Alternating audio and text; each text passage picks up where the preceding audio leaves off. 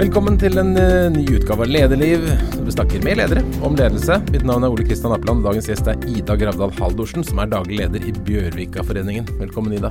Takk for det. det jeg tror ikke alle vet hva Bjørvikaforeningen er, men det handler om Bjørvika. Jeg skal være korrekt å si at Apeland har jobbet en del med kommunikasjon for Bjørvika, så jeg er ikke helt sånn eh, objektiv på alt her sånn. Men alle vi som er i Bjørvika blir også veldig farget av et fantastisk sted, gjør vi ikke det? Jo, veldig. Jeg opplever jo at det er et veldig eh, samhold i Bjørka som jeg ikke helt eh, nødvendigvis ventet, og som jeg ikke tror at folk forventer kanskje når de flytter hit. Både som eh, næringslivsrepresentant, eh, ansatt eller som beboer. Mm. Hva er Bjørvikaforeningen for noe? Bjørvikaforeningen er kultur- og næringsforeningen i Bjørvika. Så den ble etablert i 2018 av de store kulturinstitusjonene Munch, Operaen, Deichman og eiendomsutviklerne. Eh, Hav Eiendom, Oslos Utvikling, Bjørvika Utvikling. Eh, og så har de gått sammen med de store aktørene i næringslivet i Bjørvika. De som kom tidlig, de som visste at de, her skal vi være, og vi skal være lenge. DNB, KLP, Deloitte, hotellene. Så, så, sammen så jobber vi for at uh, Bjørvika skal være en spydspiss innen fremtidsrettet og raust byliv. Det høres veldig flott ut. Ja, det er kjempeflott og veldig gøy. Og nå må vi vel kunne si at kanskje altså det, det, er et av de områdene kanskje i landet hvor det har skjedd mest de siste 15 årene, fra veikryss til en moderne bydel. Og, og, nå er vi kanskje en av Norges fremste sånn sommerattraksjoner? Ja, jeg er eh, veldig spent på sommeren. I fjor eh, så var det jo korona, og i sommer så kommer turistene. Men eh, egentlig hele året så har vi veldig mange, både Oslo-beboere og eh, tilreisende som opplever enten en eller flere av kulturinstitusjonene, men som også vandrer langs eh, kaia og opplever eh, ja, mye av serveringstilbudet, og som virkelig tar inn Bjørvika. Så jeg er jo så heldig å ha veldig mange befaringer, om det er ordførere fra andre steder eller som har lyst til å bli kjent med Bjørvika. Så jeg får jo mye av den der akutte responsen på mange som opplever Bjørvika for første gang. Eh, og det er ganske ofte wow-faktor, som jeg syns er veldig stas, da. Mm. Og som også er med på å bekrefte at uh, veldig mye av det utviklerne, utviklerne har tenkt hele veien, det realiseres nå. Og det tall, tas imot. Hvor, hvor, mange mennesker er det som bor her og jobber her? Altså? Uh, altså, er jo, vi er jo midt imellom. Bjørvika, er, Bjørvika begynner å føles veldig ferdig nå, og mye skjedde under korona nå når det som heter Bispevika, som kanskje er midten av Bjørvika om du vil, da, Eh, i stor grad har blitt uh, ferdig.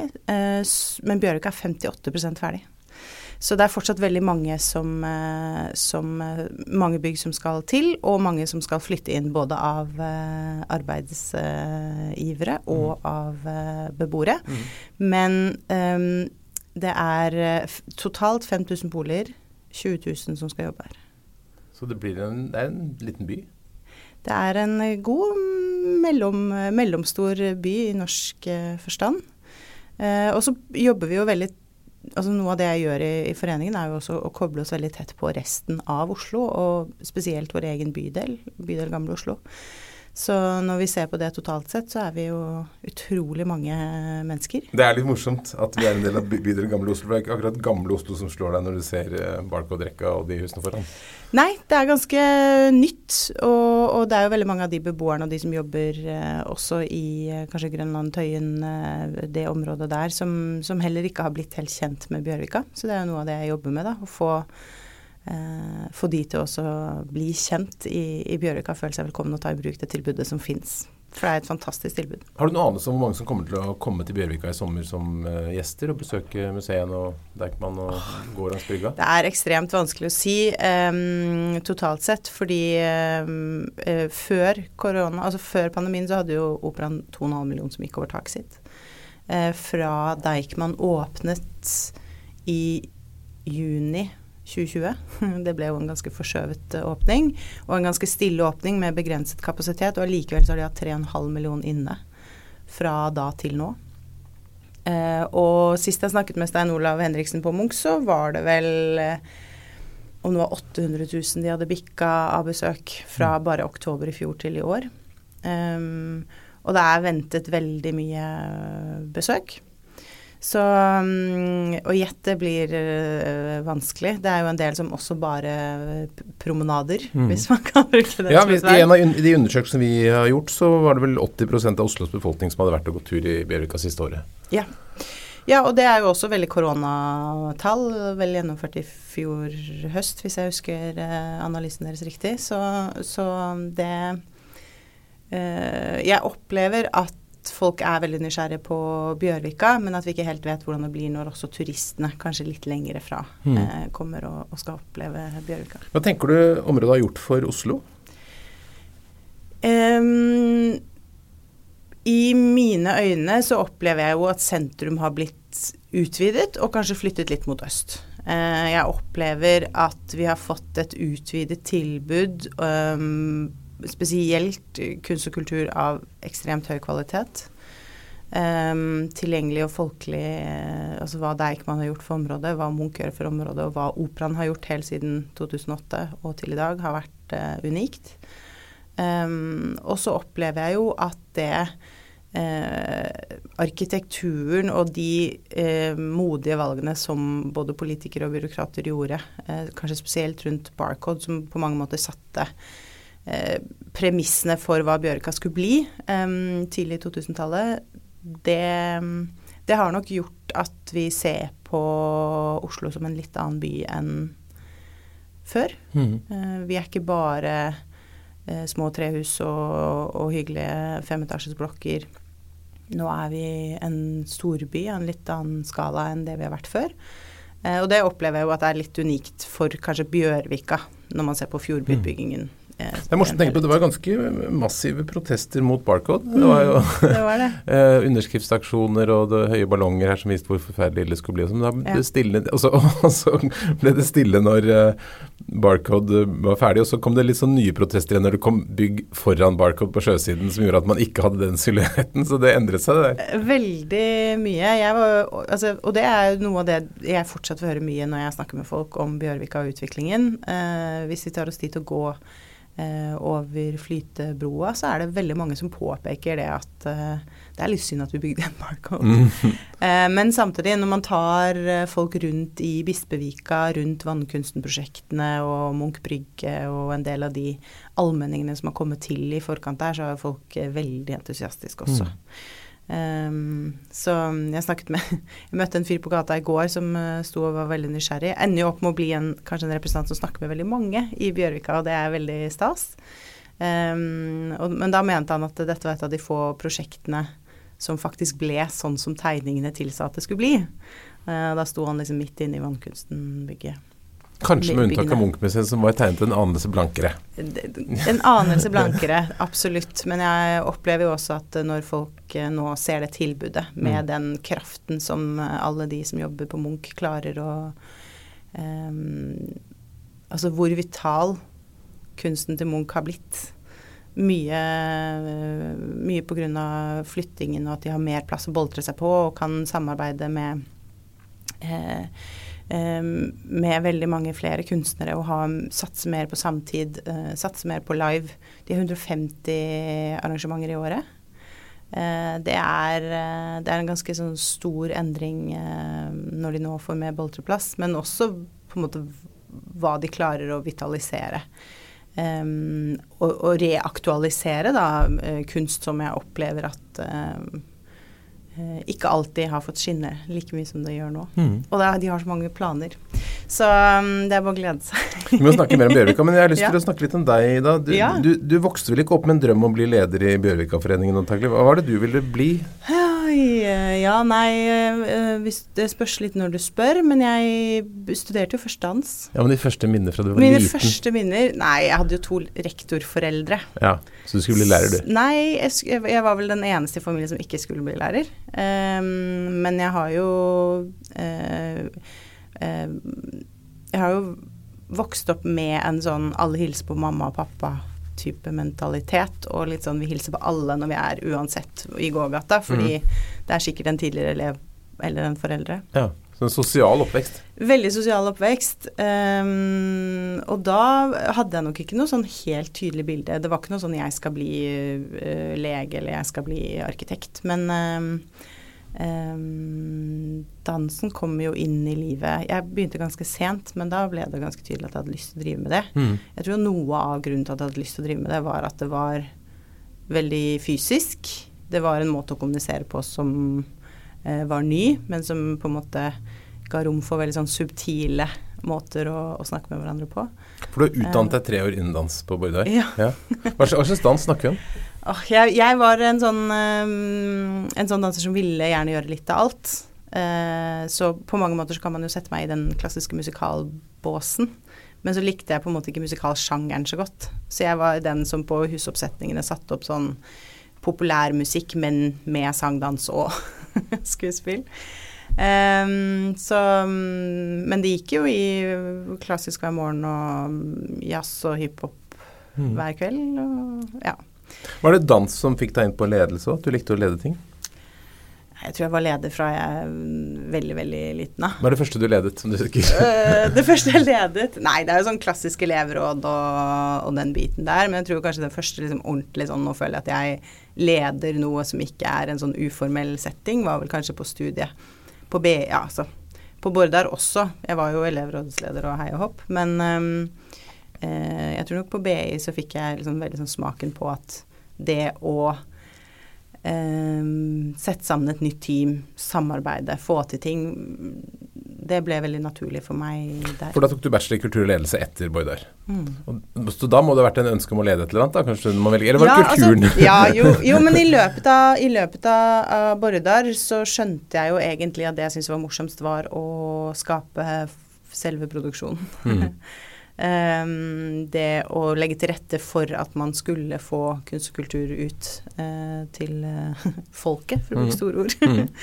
Men eh, når ehm, Eller da Borda var ferdig og jeg sto på scenen på Oslo Spektrum i en sånn Grease-oppsetning, så tenkte jeg nå skal jeg få det store kicket. Nå skal jeg skjønne, nå skal alt være verdt det. Og så kom aldri det kicket. Og da skjønte jeg at ok, nå har jeg gjort det. Det var gøy. Eh, men nå er det på tide å bevege seg videre. Um, og da ønsket jeg jo veldig å studere noe som på en måte ga meg rammene, i litt bred forstand, til å, å kunne jobbe rundt i krysningen kultur-næring, da. Mm. Så, så det formet nok veldig veien videre. Men jeg sto og var veldig usikker på hvilken retning jeg skulle ta, om det var juss eller jeg var vel innom fysioterapi og psykologi og det meste akkurat i det, det halvåret da Mm. jeg lurte på hva jeg skulle Men når fikk du det første sånn ledelsesmessige kicket? da? Tenkte du at dette kan jeg, jeg kan få til noe med andre?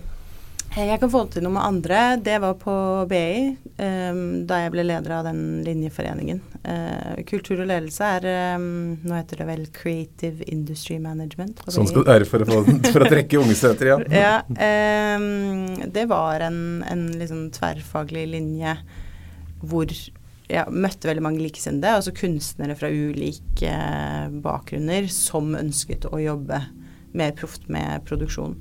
Um, så det var en utrolig sterk gjeng med mye kapasitet og, og mye driv.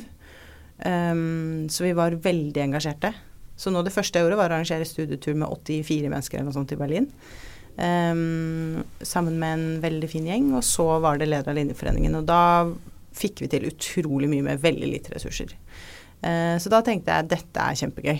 Og når eh, Det er liksom rart med det. Jeg tror jeg aldri har hatt en så god prosess, forankringsprosess med team noensinne som jeg hadde da, for da har man tid. Mm. Eh, Så da jobbet vi ordentlig med hva er det vi ønsker å skape, hva er det vi ønsker å realisere på et år. Og så nå, nådde vi veldig mange av de målene. Og det, det ble utrolig inspirerende å se det teamet føle at de mestret og lærte så mye. Um, og at de At det var en trygghet i teamet til å feile. At det var mye ram... Altså rammene var så gode at man fikk til utrolig mye, da. Så um, jeg, veldig, jeg ble veldig glad i studentforeningen i løpet av de årene, og satt vel i det styret til hele studentforeningen um, i syv år etter det, eller noe sånt. Også lenge etter Jeg var næringslivsrepresentant lenge etter jeg var ferdig å studere. Lærte du mer om ledelse i tillitsmannsarbeidet enn du gjorde i selve ledelsesstudiet? Jeg tror det var en fin kombinasjon, det å få teste ting i praksis når man lærte om ting i teorien. Altså det å, å studere ledelse, men ledelse opp mot kunst og kultur, da, er det jo en del sånn floskler man blir vant med. Men noe av det jeg likte veldig godt med å studere på BI, var at vi skrev utrolig mange oppgaver. Vi var ute og intervjuet veldig mange. Eh, jeg har skrevet oppgave om HV-festivalen og Ultima-festivalen og Nationaltheatret og eh, ja, veldig mange flere organisasjoner. Så du kom veldig tett på næringslivet og fikk også høre deres frustrasjoner og deres eh, hvordan ting fungerte godt og dårlig i, i organisasjoner. Um, så det ga jo også veldig påfyll i hva er det jeg ønsker å, å bygge videre på, og hvilke kvaliteter har jeg som gjør som, som jeg ønsker å, å mm, forsterke. Um, samtidig som man ble ganske bevisst på at det er store kulturelle forskjeller i, mm. på bransjer. Som jeg også syns var veldig stimulerende um, og, og, spennende å dykke ned i. Og da var jo alt fra liksom organisasjonspsykologi uh, og kommunikasjon og økonomi og alle de fagene vi hadde, uh, veldig gode å ha i verktøykassa for å se liksom holistisk på uh, hvordan ledere fungerer, da, og hva er, hva er det som skal til. Det du lærte i dansen, da, med å bruke kroppen og stå på en scene, føler du at du bruker det i dag? Veldig mye. Det er ikke ofte jeg får et sånn type spørsmål, men øh, jeg tror jo at noe av min styrke som leder er at jeg er ganske intuitiv. Uh, og at jeg er god til å lese folk. Og, og lese folk egentlig ikke så mye basert på hva de sier, men hvor komfortable de føler seg, uh, hva slags energi de har. Um, og spesielt da hvilket kroppsspråk. Um, og det bruker jeg ganske aktivt. Så når jeg har uh, styremøter med alle topplederne i, som sitter i styret mitt, så er det, er det, kommer det veldig godt med, da. Å klare å lese de uh, opplever jeg selv i hvert fall ganske godt. Uh, og også kunne bruke litt den sinnsstemningen mennesker kommer inn i rommet med. Og også snu enten hvis det er noen som er litt frustrerte, klare å snu den energien til noe konstruktivt. Eh, hvis noen er litt slappe, klare å gire opp stemningen. Jeg jobber ganske sånn aktivt. Eh, eh, og da er veldig mye av det jeg leser, er kroppsspråk. Mm. Bruker du kroppen aktivt på hva du på å kommunisere? Eh, ja og nei. Eh, jeg er nok eh, jeg er, jeg er veldig i nuet. Eh, så det er ganske Hvis jeg er veldig eh, gira eller veldig engasjert, så er det noen ganger jeg kan gå ut av et møte og slite litt med å huske hva vi har snakket om, fordi jeg har vært så gira. Eh, altså sånn Jeg husker jo møtet, men, eh, men, noen ganger så er det fint å um, Fint å da lande litt i kroppen. Mm. Så, så, da jeg bruker det mer som en sånn teknikk imellom for å roe ned eller gire opp, eh, bevege meg hvis jeg kjenner at Eh, jeg trenger å nullstille litt, da. Mm. Um, Men hvis man som leder, eh, kanskje som ny leder, skal møte en forsamling og, og føler seg litt usikker, hva, hva, kan man gjøre med kroppen for å få litt uh, tyngde? for å få litt tyngde? ja, for altså, nei, men jeg er veldig tyngre, ja. ja. når jeg um, når jeg står på scenen da, eller holder et stort møte eller uh, topplederforumet i Bjørvika eller et eller annet sånt, og skal snakke for uh, folk som jeg tenker shit, disse folka kan greiene sine og, og da er litt ekstra nervøs, så bruk, bruker jeg kroppen ganske aktivt i det at jeg er opptatt av å stå på begge beina. Mm. Eh, at holdning har ganske mye å si for hvordan folk oppfatter deg, og at eh, jobben min eh, som konferansier f.eks. Mm. er å skape trygghet. Så rett i ryggen og frem med brystet og liksom Ja, ja. og da går det veldig ofte Så jeg sykler jo eh, alle steder. Eh, sånn at jeg får beveget meg mellom møter, for det blir jo veldig mye møter i løpet av en dag. Eh, det tror jeg har mye å si. Um, men uh, rett før jeg skal på da, så er det liksom power pose, rett og slett. Og da kan jeg godt nesten liksom uh, stå med armene ut. Det er vanskelig å Men jeg står med armene rett ut, og så liksom lener meg oppover og ser opp i himmelen i 45 grader, liksom, for, mm. å, for å bare åpne opp og liksom lande litt, da. Hva gir det? Nei, altså det gir jo både en god holdning, men det gir jo en roligere puls. Det gir en eh, en litt sånn stolthet som jeg tror noen ganger at eh, man trenger, da.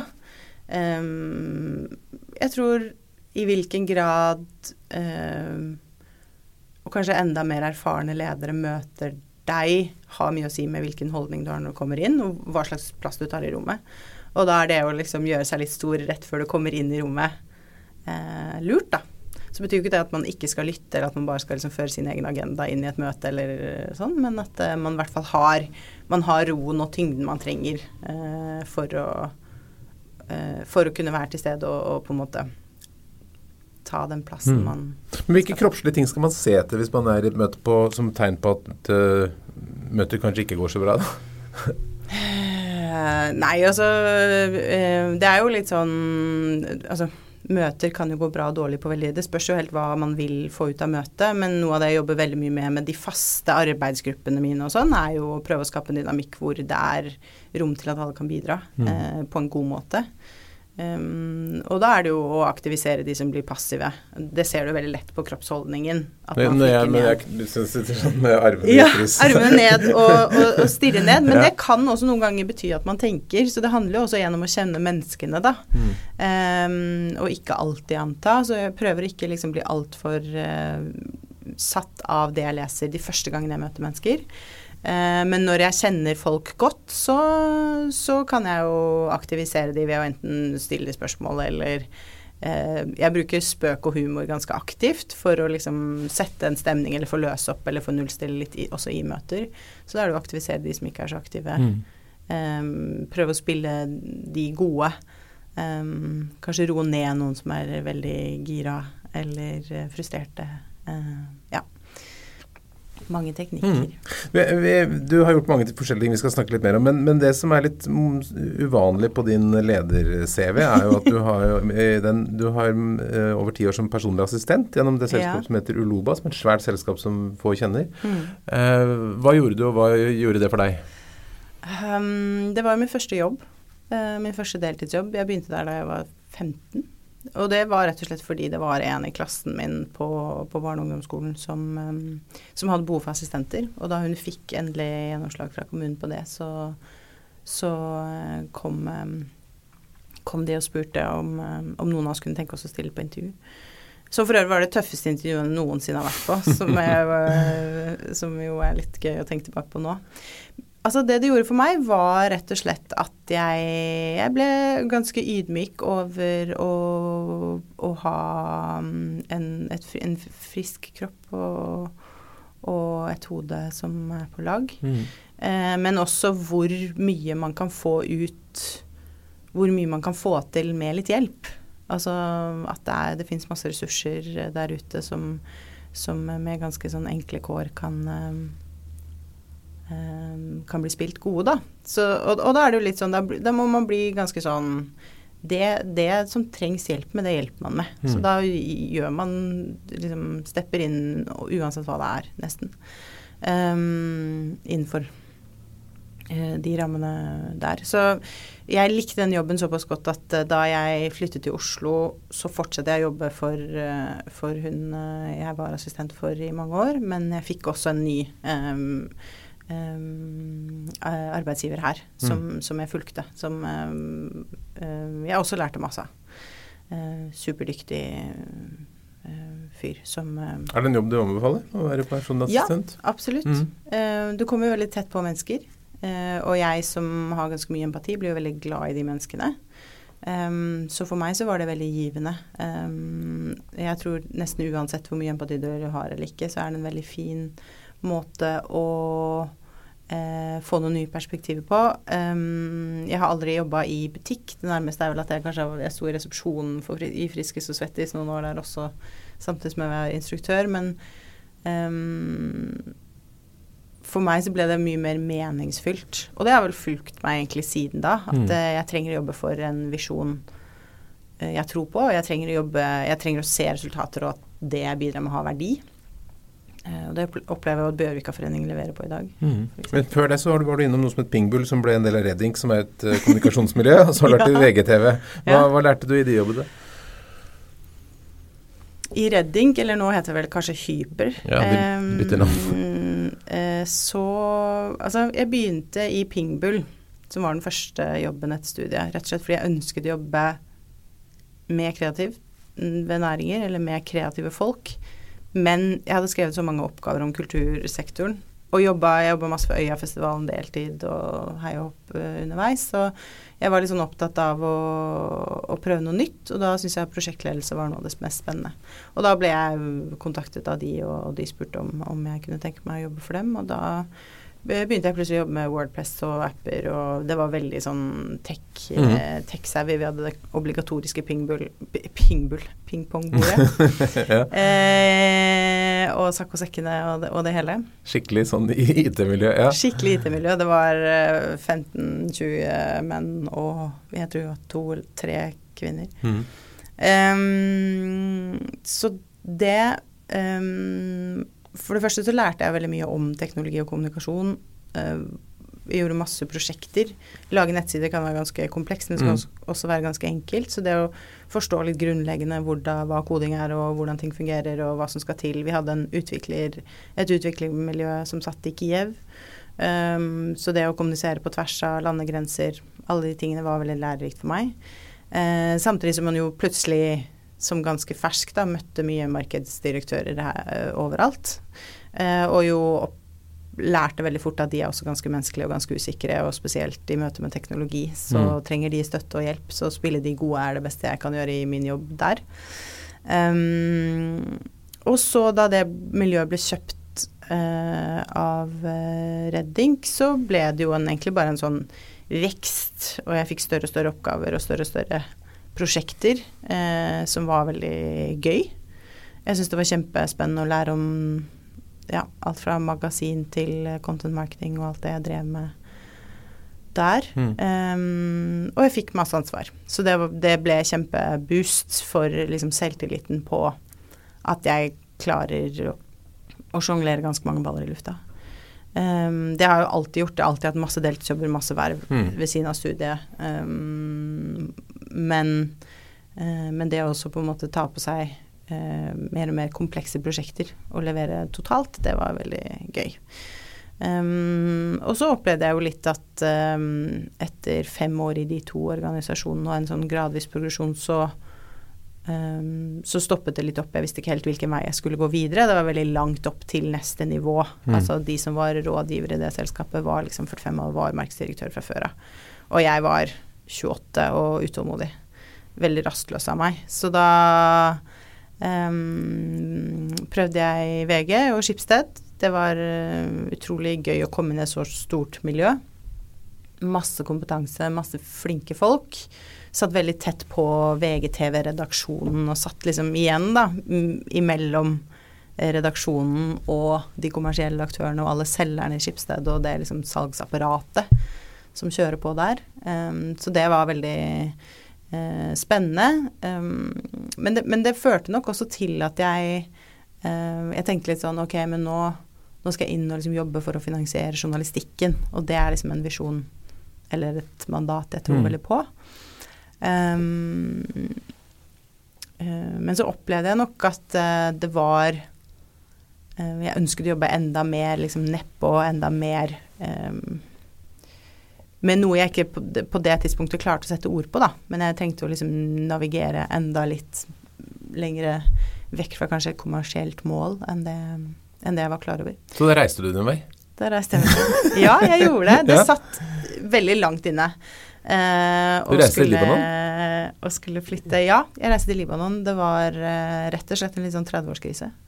Jeg visste ikke hva jeg ville drive med. Jeg kjente at nå klarer jeg egentlig ikke å ta Jeg klarte ikke å kjenne etter på hva er det jeg egentlig har lyst til å drive med. Hva er det jeg vil? Skal jeg studere på det? Jeg var innom alt mulig. Skal jeg ta en ny master? Skal jeg så, så, hvorfor velger du deg litt ja. Nei, det har jo sine praktiske årsaker i at mm. min uh, samboer skulle jobbe for Norsk Folkehjelp der nede. Ja. Uh, og da var det en, et halvt år der hvor jeg plutselig uh, Jeg så liksom litt langt frem at hvis jeg sparer så mye penger jeg klarer, så kan jeg ta meg et halvt år fri. Men det å ta seg et halvt år fri, det er jo skummelt, da. Ehm, jeg jeg syns det var skummelt. Jeg har vært veldig sånn trygghetsorientert og alltid tjent penger fra jeg var 13 og begynte å jobbe på biblioteket på Gullskogen skole, liksom. Ehm, så, så, det var ganske sånn et langt steg for meg å ta, men jeg, jeg, følte jeg trengte å få noen nye impulser og få noen nye perspektiver for hva som var viktig. Så da var tanken å reise ned og eh, både reise, men også bli kjent med, med nye mennesker, en ny kultur. Um, og også forstå hva som er um, hva som er viktig Hva som er viktig for meg, da. Um, så det, det, ble et veldig annerledes halvår enn jeg trodde. Tanken var jo egentlig at jeg skulle ned og jobbe tre måneder med syriske flyktninger. Uh, og da rakk jeg vel to uker, to, tre, ja kanskje fire uker til og med, før uh, revolusjonen i Libanon kom. Eller om man kan kalle det en revolusjon. Mm. Det, ja. Um, men da det ble store opprør, og vi måtte holde oss mye inne, og alle veiene ble sperra eh, Var det skummelt? Annet, Nei.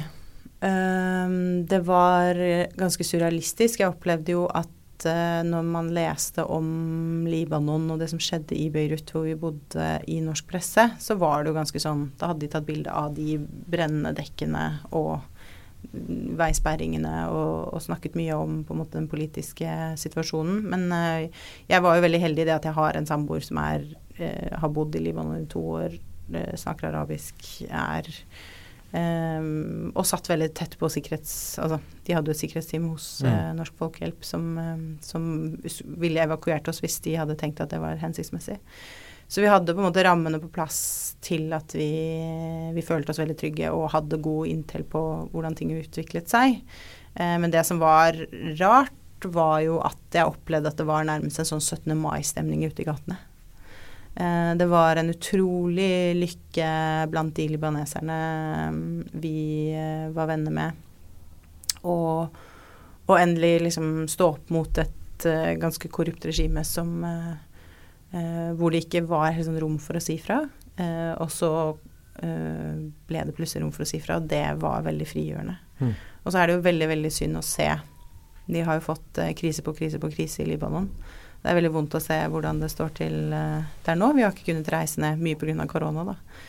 Um, siden vi var der i 2019. Men um, det var veldig um, Jeg syns det var en utrolig fin erfaring, og jeg er veldig sånn ydmyk og glad for at jeg fikk lov å være der. Og har bestemt meg også veldig da at da skal jeg mm, Jeg skal ta meg flere pauser i arbeidslivet eh, i, min, i, løpet av min karriere. Det er det mange som tenker, tror jeg, men det er ikke så mange som klarer det. Nei. Nei, og, og det er jo litt sånn så jeg, så jeg, sier det jo med litt sånn Men uh, fordi man blir jo veldig fort sånn tatt av det neste, tatt av det neste. Men, men jeg tror jo eh, det å gi slipp, det å introdusere Jeg har alltid vært veldig, veldig glad i å jobbe. Jeg liker å jobbe mye. Jeg identifiserer meg veldig mye med hvem med hvilken jobb jeg har og hva jeg gjør. Um, mye av nettverket mitt altså Jeg elsker å bli kjent med nye folk, og jeg elsker å bli kjent med nye folk i en jobbsammenheng. Så um, jeg tror det er eh, Jeg tror alle, og kanskje spesielt de som har vært ledere lenge, har veldig godt av å jobbe med å introdusere seg selv uten å si hva de jobber med, eller hvem de er på jobb. Mm. Uh, jeg syns det var kjempevanskelig i starten. Fordi hvem er du når du ikke har jobb? Det, det er en god øvelse. Så, og, og, kanskje spesielt i Libanon, hvor det er mye expats som har med seg koner, da, eller menn, ned. Du har én diplomat, og så er den andre med. Så, så, det er litt sånn å stå i den 'jeg har alltid vært den som jobber, alltid vært forsørge meg selv'. Nå antar folk at det er en helt annen enn jeg føler jeg selv er. Det var en veldig god øvelse. Det er sånn vedheng, ja. Gi litt slipp mm. på, på, det, men, men, også nyansere det bildet av hva er det å reise med noen ned, da. Mm. Ja. Så. Og så, etter alt dette, så lander du da i Bjørvikaforeningen. Hvordan, hvordan skjer det? Altså, på vei Jeg bestemte meg egentlig for ikke begynne å søke jobber mens jeg var i Libanon. Rett og slett fordi dette var før koronatiden. Vi var ikke så kjent med Skype og Teams og, og Zoom. Um, og også fordi jeg tenkte at det var uh, fint å liksom ikke legge noe press på seg selv der nede og begynne å stresse mye mm. og skulle få en ny jobb. Um, uh, men så var jeg på reise i Jordan, og så deisa det plutselig var rett og slett en, en venninne av meg som jobber som headhunter. Ja, eller hun mm. jobber med rekruttering, uh, som sa sånn Leste denne, denne stillingsutlysningen og tenkte på deg. Uh, og jeg visste ikke hva Bjørkaforeningen var da. Um, men da jeg leste den, så følte jeg jo rett og slett at det var en stillingsbeskrivelse skrevet til meg. Uh, og jeg tror ikke det var mangel på andre gode søkere som gjorde at uh, jeg fikk den jobben, men jeg opplevde jo at veldig mye av de grunnleggende kvalitetene um, jeg får tilbakemeldingen på at jeg har, var de ute etter. Da. Du trenger en som har lyst til å både jobbe nede i purra, og som har lyst til å tenke strategisk. Du må være komfortabel og like og snakke like mye med ungdommer som med toppledere. Du må, um, du må klare å manøvrere i et ganske komplekst uh, nettverk med veldig mange ulike interesser, og de sitter midt mellom kultur og næring. Um, og alle de tingene er jo egentlig det jeg har søkt hele, hele mitt uh, yrkesliv. Så så det føltes veldig intuitivt. Og så var det, jeg tror Det var en spesiell, eh, en spesiell setting å, å møte å ha digitale intervjuer fra et sånt frivillig hus oppe i Bekkadalen på grensa til Syria med dårlig linje. Uh, og jeg hadde glemt liksom, sminken min nede i Beirut. Og? Det var, det var, en ganske sånn rar setting, men jeg hadde veldig lave skuldre på at jeg skal jo egentlig ikke begynne å søke jobber enda. Så um, det ble en prosess. Det er kanskje et bra utgangspunkt noen ganger? Ja, det er et bra utgangspunkt. Eh, jeg tipper jo at eh, det var Altså, jeg var jo litt sånn hva tenker arbeidsgivere om at jeg ikke har jobb nå, at jeg har valgt å gjøre noe helt annet. Mm. Man jo, kan jo føle seg litt sårbar. Um, jeg rakk ikke å føle meg sårbar engang, for jeg opplevde egentlig bare at nettopp det at jeg hadde tatt det valget, gjorde at folk ble veldig nysgjerrige på hvorfor jeg hadde gjort det, og at det også ga en selvtillit og en ro som kom veldig godt med, da. Mm. Så da, akkurat i de, de, de, den uka så liksom sendte jeg Søkte jeg på en del ja, kanskje tre andre stillinger og var i tre andre intervjuer. Men da var det også sånn at det var mye enklere å navigere i Ok, men denne jobben for Røde Kors den er interessant, men den er ikke for meg.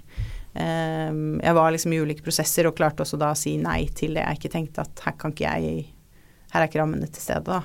Men har du fortalt at du er opptatt av uh, verdidrevet og liksom mm. visjonen og meningen med jobben. Hva tenker du er meningen med å være leder i BVK-foreningen?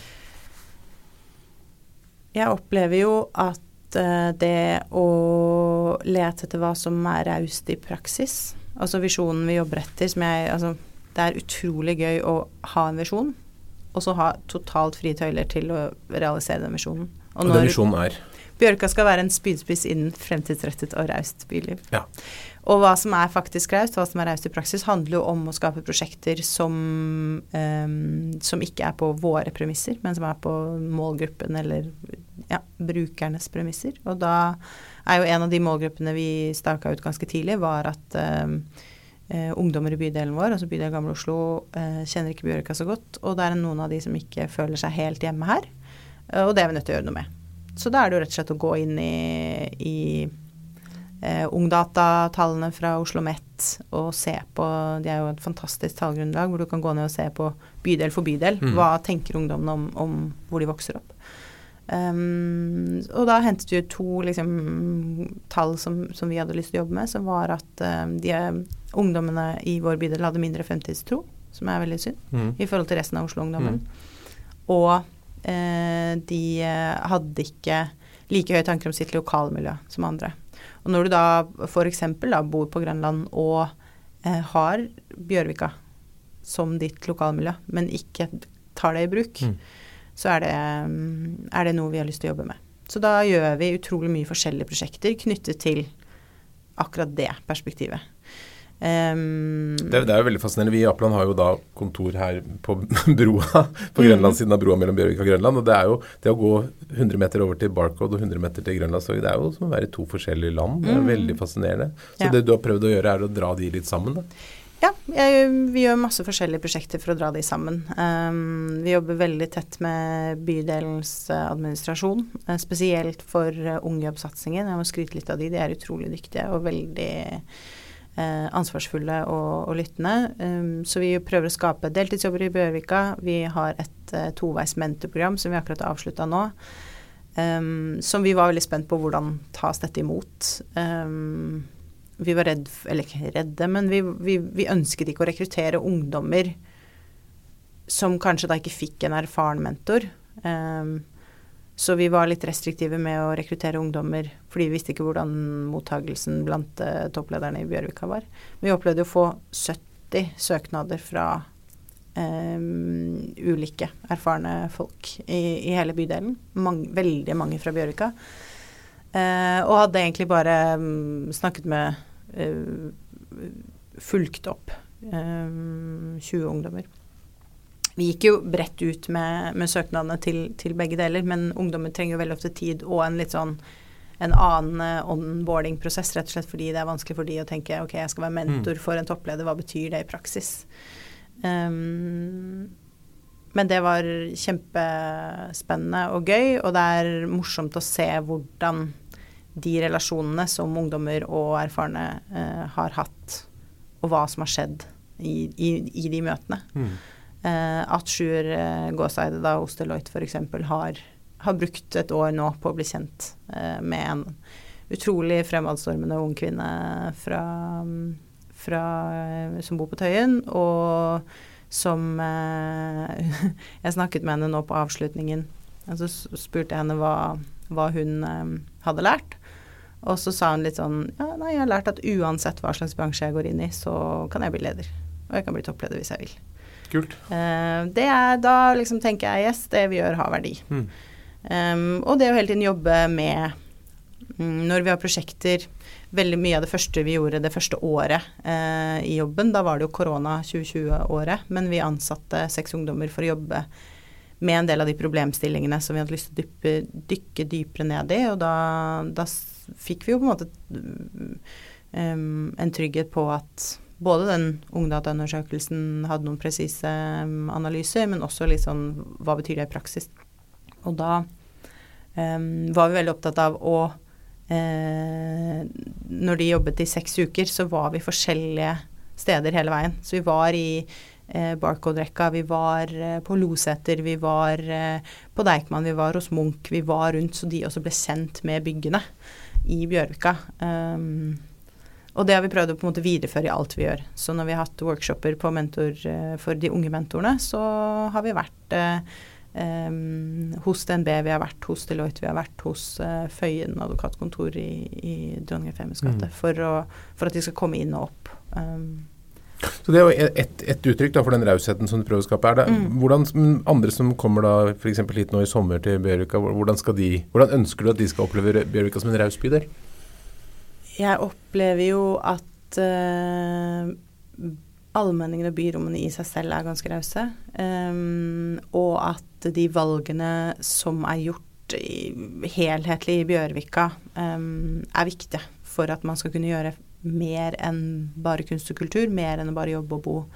Uh, så det at vi i fjor åpna Operastranda, som er altså, så populær at uh, du må komme før klokka ti for å få en liten spot um, det at vi har Sørenga sjøbad, det at vi tilgjengeliggjør fjorden, det opplever jeg som noe som fungerer veldig, veldig godt i praksis.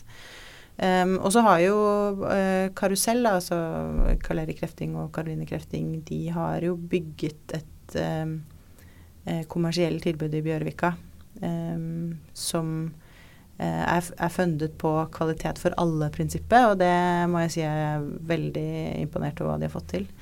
Um, så man har fått et, et, tilbud totalt sett som jeg mener er utrolig bra. Um, det fins alltid ting man kunne ønsket seg mer av. Det fins alltid flere um, Ja, det er jo mange Mye man kunne gjort mer av, men jeg opplever at totaliteten av det man har å tilby, er veldig raust. Uh, men at det også er rom for å komme til Bjørvika uten å bruke penger. Altså mm. man kan henge en hel dag, ha med seg nistepakke, sitte på brygga, kose seg. Eh, kulturinstitusjonene har jo gratistilbud for ungdom, som er utrolig imponerende. Jeg skal eh, Vi jobber tett sammen nå for å eh, for å se på hvordan vi kan kommunisere det enda bedre helhetlig. For det er klart eh, Det å nå frem til ungdom er, eh, tar tid, da. Mm. Um, og jeg tror eh, det at vi har bare at vi har Loseter, som er en spiselig park som Bymiljøetaten drifter nå etter mange år som kunstprosjekt eh, mot Sørenga. Eh, utrolig raust og flott. Um, og et sted jeg anbefaler alle å, å, dra innom hvis man går mot Middelalderparken eller er i Middelalderparken eller ut på Sørenga. Ta turen innom der og spise et jordbær og Mm. gå på taket på det bakehuset. Um, så, så summen av det vi har i Bjørka, er, eh, er veldig, veldig raust, og noe for enhver, på en måte. Hva, hvis du skal velge én ting å anbefale folk å gjøre i sommer i Bjørvika, du sa, er det Loseter som er favoritten, eller hvilke andre ting vil du si? Altså, det kommer helt an på hva du vil. Altså, noe av det jeg liker aller best, er jo bare å sitte på brygga i Bispevika. Mm. Eh, rett bak Munch og liksom ta liksom livet inn. Veldig ofte hvis jeg trenger en pause, så har jeg med meg badedrakta i, i veska, og så tar jeg en dukkert og, og sitter og ser litt på livet der. Eh, det anbefaler jeg alle. Det å gå innom Veldig bra lekestativ hvis man har små barn. Veldig bra. Altså Da jeg så det første gangen, så var jeg, jeg må si jeg, Det er så populært, det oransje lekestativet midt i Bispevika. Um, så det, det anbefales. Kombinert med badestrand og trampoline på badestrand, så har du da en hel, helaften, holdt jeg på å si. Uh, men også gå innom Satyricon-utstillingen på Munch. Uh, utrolig kul opplevelse i tiende etasje der. Um, det ville jeg gjort. Og så ville jeg Nå så jeg akkurat en ny oppsett... Ja, den er kanskje ferdig. Det er utrolig mye som skjer. Man må følge med. Må orientere følge med. seg. Ja, det er viktig. Uh, hvis, hvis, hvis, avslutningsvis, hvis du, hvis du skulle gi noen råd til andre ledere som kanskje får en tilsvarende rolle, da, eller som i hvert fall er ble satt til å bygge opp noe sånn som du er, hva vil liksom være de tre viktigste lederrollene for å skape en god organisasjon eller virksomhet?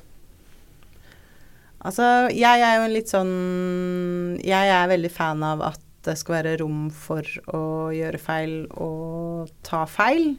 Eh, så jeg blir veldig inspirert eh, selv når jeg har eh, et styre som som jeg opplever at det, det skjer i praksis. Og det å liksom eh, skape et rom hvor det er eh, rom til å gjøre feil. og selv om Så raushet er en- er nummer én. jo, men selv om du er en ung leder, da. Ikke Ja. Man tenker jo litt sånn at det er de erfarne lederne som klarer å skape den tryggheten, men jeg opplever litt at det ikke har så mye med alder eller posisjon å gjøre. Nå har ikke jeg noen ansatte, men jeg har eh, 7000 eh, ansatte i Bjørvika som, Mm. som er eh, medlemmer i foreningen. Så det å, å skape rom, rom og trygghet tror jeg kanskje er det viktigste. Mm. Og så eh, er jeg også Jeg er ganske uformell av meg.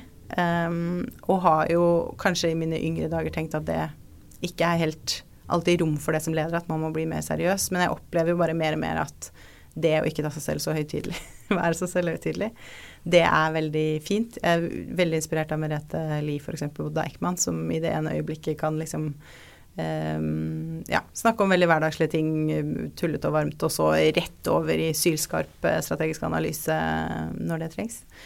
Um, og så ja, lytte mer til uh, hvordan folk har det i et rom. Det syns jeg er veldig effektivt selv. Det må være de tre tingene. Det var gode råd. Og så kan vi nevne at Merete Lie også har vært på Lederliv, så de som har lyst til å høre henne, kan bare lete litt. Så finner man det. Ja, Eh, og så tror jeg vi takker for at du kom og ønsker deg en fantastisk sommer. Veldig god sommer, og tusen takk for at jeg fikk komme. Det var veldig hyggelig. Takk for at du hører på Lederliv, som er en podkast fra Apeland. Redaksjonen består av Ingrid Hogneland, Lars Golden, Lars Jarle Melum og Ole Kristian Apeland, som er meg. Vi er takknemlige for alle gode tips om ledere eller andre kommentarer og innspill. Kan sendes til meg, ole.apeland.no.